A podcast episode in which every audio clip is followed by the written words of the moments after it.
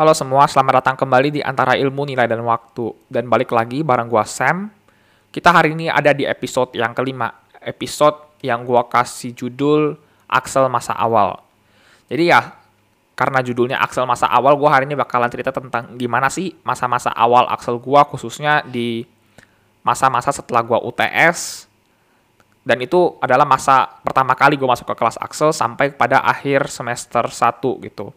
Sebelum um, gue masuk ke home learning di awal-awal semester 2 ketika um, kelas 12 itu pada saat itu ujian gitu. Jadi ya tanpa berlama-lama lagi langsung aja kita masuk ke episode yang kelima. Oke, jadi bisa dibilang Axel gua di 2019 masuknya dan yang 2020 bisa dibilang berbeda gitu. Kenapa berbeda?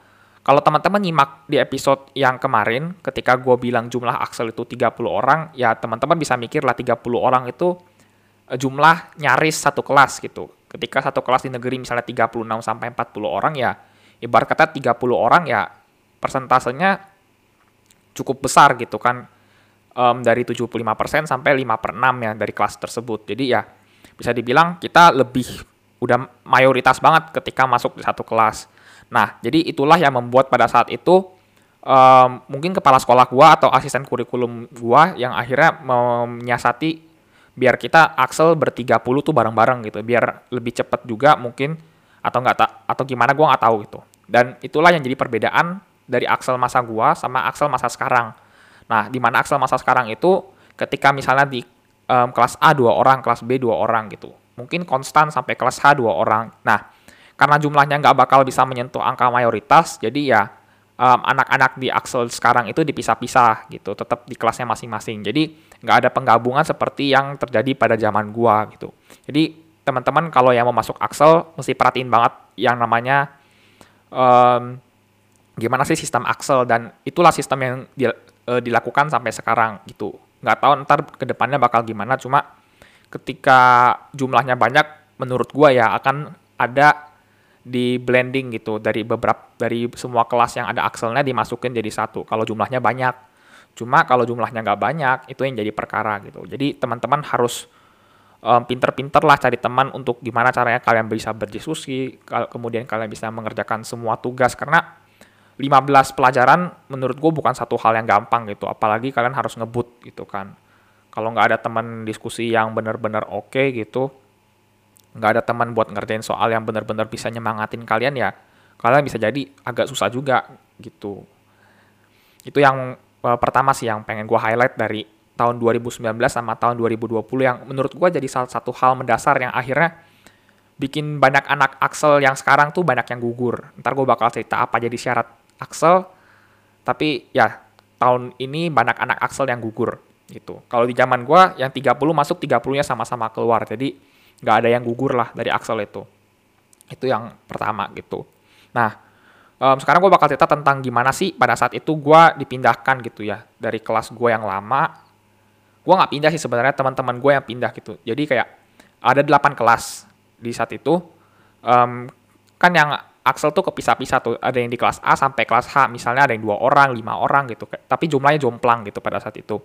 Nah um, pada akhirnya di voting lah mungkin di rapat guru atau sebagaimana macamnya um, kelas gua lah yang akhirnya dipilih oleh um, dari rapat guru tersebut untuk jadi kelas yang isinya mayoritas 30 orang itu anak akselerasi gitu. Nah, pada akhirnya um, ketika gua masuk di hari pertama setelah UTS um, pembagian rapot tersebut tepatnya jadi ya um, gua di akhirnya dikasih uh, daftar nama yang baru gitu dan gue justru gue kaget itu ketika gue masuk ke kelas gue kok tiba-tiba gue ketemu muka-muka yang gue nggak pernah lihat sebelumnya gitu. Jadi ya muka-muka baru yang akhirnya akan dari teman gue selama satu setengah tahun tersebut gitu. Ada muka yang mungkin gue udah kenal dari ekskul gue ataupun dari kenal dari tempat lain mungkin ya begitulah. Tapi overall gue masih belum familiar dengan muka-mukanya gitu.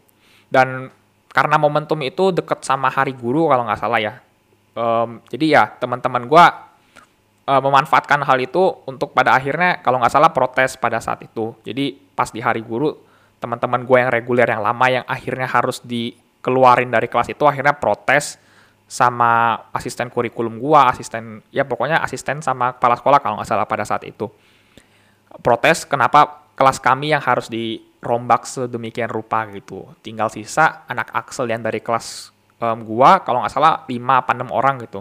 Sama anak reguler 6 orang, sisanya anak pendatang lah ibaratnya dari kelas lain.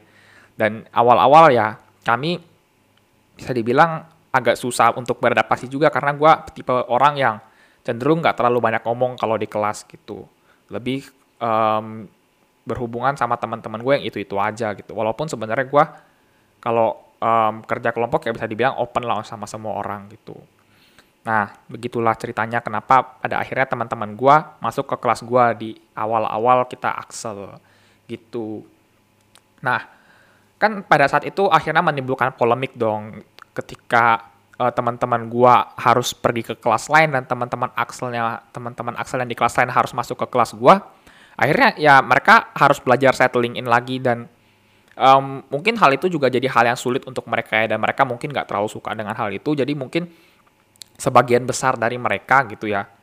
Ya bisa dibilang kesel lah sama anak-anak Axel yang yang membuat mereka ibarat kata dipindahkan dari habitat awal mereka gitu ke kelas yang baru mungkin seperti itu.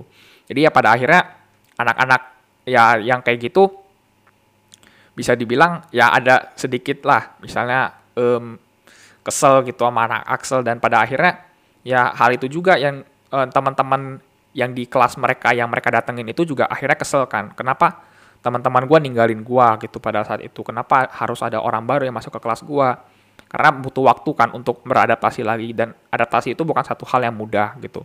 Jadi ya mereka pada akhirnya bisa dibilang kayak men gimana ya agak kesel sama Axel dan akhirnya ngomongin anak-anak Axel tuh bisa dibilang didiskriminasi sama teman-teman semua gitu. Ketika misalnya gue lewat pada saat itu ya ada ada adalah yang ngomong-ngomong kayak waduh anak pinter lewat gitu. Jadi kayak agak sedikit diskriminasi walaupun ya gue menyadari bahwa Axel tuh kan bukan semuanya anak pinter gitu. Ketika lu mau berusaha, lu mau di pressure aja, lu bisa lolos Axel gitu. Nggak mesti jadi anak yang pinter kok. Untuk lolos Axel yang penting lu mau untuk belajar mau untuk lulus 2 tahun di SMA. Gitu aja sih sebenarnya kalau dari gua ya. Kalau masalah otak dan segala macam ya semua orang berkembang gitu. Jadi kayak nggak ada lah yang namanya um, otak lu encer, otak lu nggak encer, semua otak bisa kok dibentuk gitu. Jadi begitulah ya sedikit pendapat gua tentang teman-teman yang nyindir gua kayak gitu.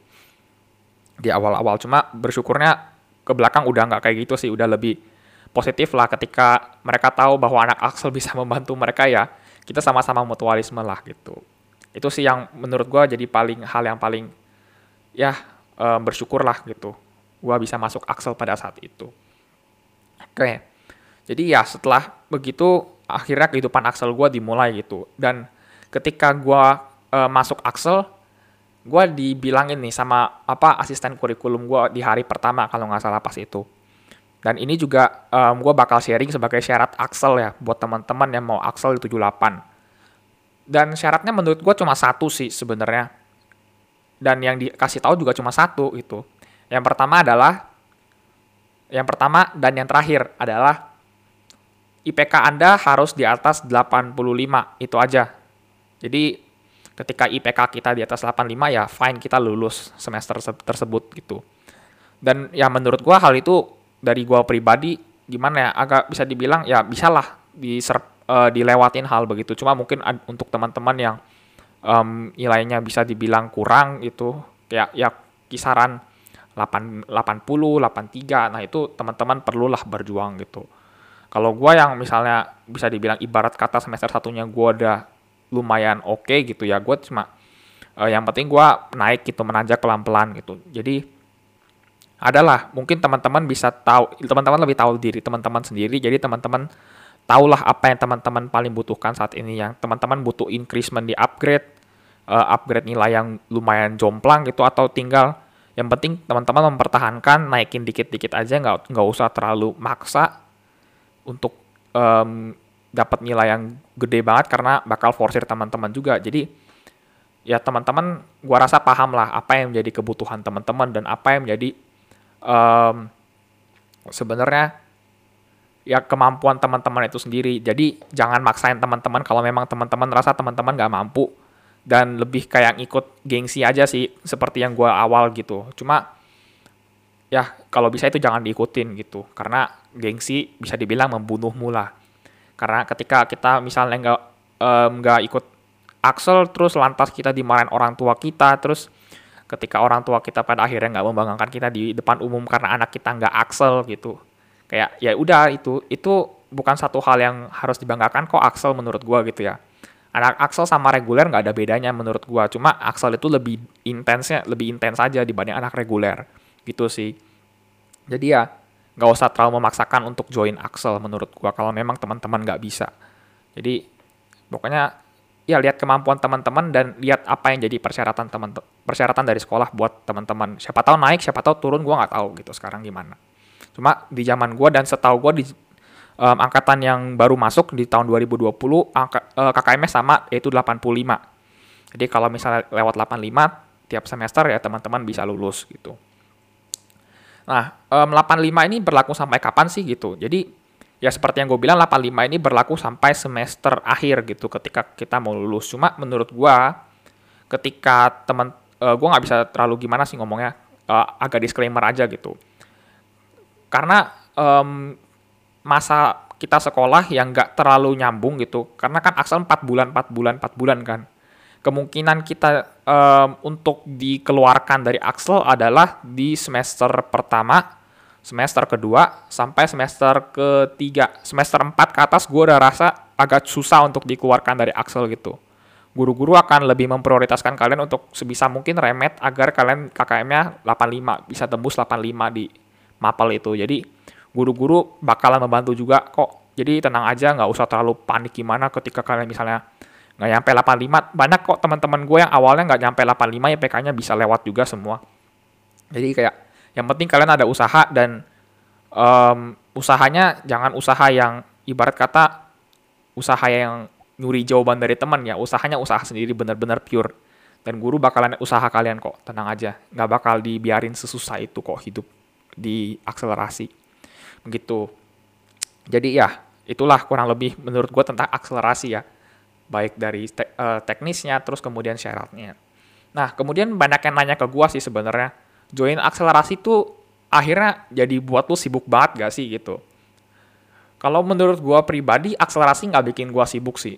Karena ketika gua pikir ada pelajaran yang bener-bener gua harus prioritaskan untuk belajar, ada pelajaran yang menurut gua kayak gua nggak usah terlalu prioritaskan nggak apa-apa gitu. Gua tipe orang yang kayak gua nggak mau terlalu maksa di semua pelajaran untuk um, gimana ya dapatkan nilai bagus. Cuma gue bakal fight the best gitu. Kalau misalnya ya nggak bisa ya gue minta temen gue cuma gue nggak bakal terlalu memforsir diri gue untuk harus bisa harus bisa.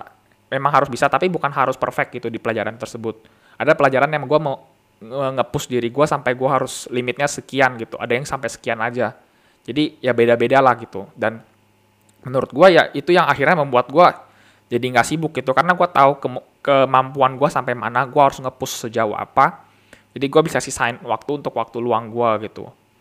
Mungkin ya teman-teman ada yang tujuannya berbeda dari gue ya, gue nggak tahu sih. Cuma menurut gue ketika teman-teman bisa ngatur waktu teman-teman, semuanya bisa dilakuin kok. Gue aja sambil um, kayak kadang-kadang Sabtu Minggu gue pergi gitu. Ya nggak apa-apa pergi juga, walaupun kadang-kadang ya ada tugas yang datang gitu. Gue tetap bisa pergi kok gitu. Paling nyita dua jam untuk ulangan misalnya kalau di luar jam pelajaran cuma ya sisanya kita bebas lah gitu. Menurut gua ya ketika kelar belajar ketika kalian paham ya udah selesai gitu menurut gua gitu. Cuma ya kan berbeda-beda juga kemampuan orang nyerap. Jadi ada yang mungkin cepat ada yang mungkin agak lama di mata pelajaran tertentu. Jadi ya nggak nggak bisa dibandingkan lah hal-hal seperti itu menurut gua. Itu sih jadi ya begitulah cerita gua selama di awal-awal Axel mungkin teman-teman yang pengen tahu tentang Axel lebih lanjut bisa dengerin uh, podcast ini di chapter-chapter selanjutnya. By the way, ini chap, uh, episode terakhir di chapter kedua gue. Jadi ya bisa dibilang chapter kedua ini singkat banget, cuma dua episode aja. Dan kita bakal balik lagi minggu depan di chapter yang baru, karena gue harus briefing lagi sama tim gue. Jadi ya, um, thank you teman-teman yang udah dengerin. Jangan lupa buat share terus podcast ini buat teman-teman kalian yang mau ngebutuin banget podcast ini dan tentunya yang pengen masuk Axel. Dan sampai jumpa di chapter berikutnya. God bless.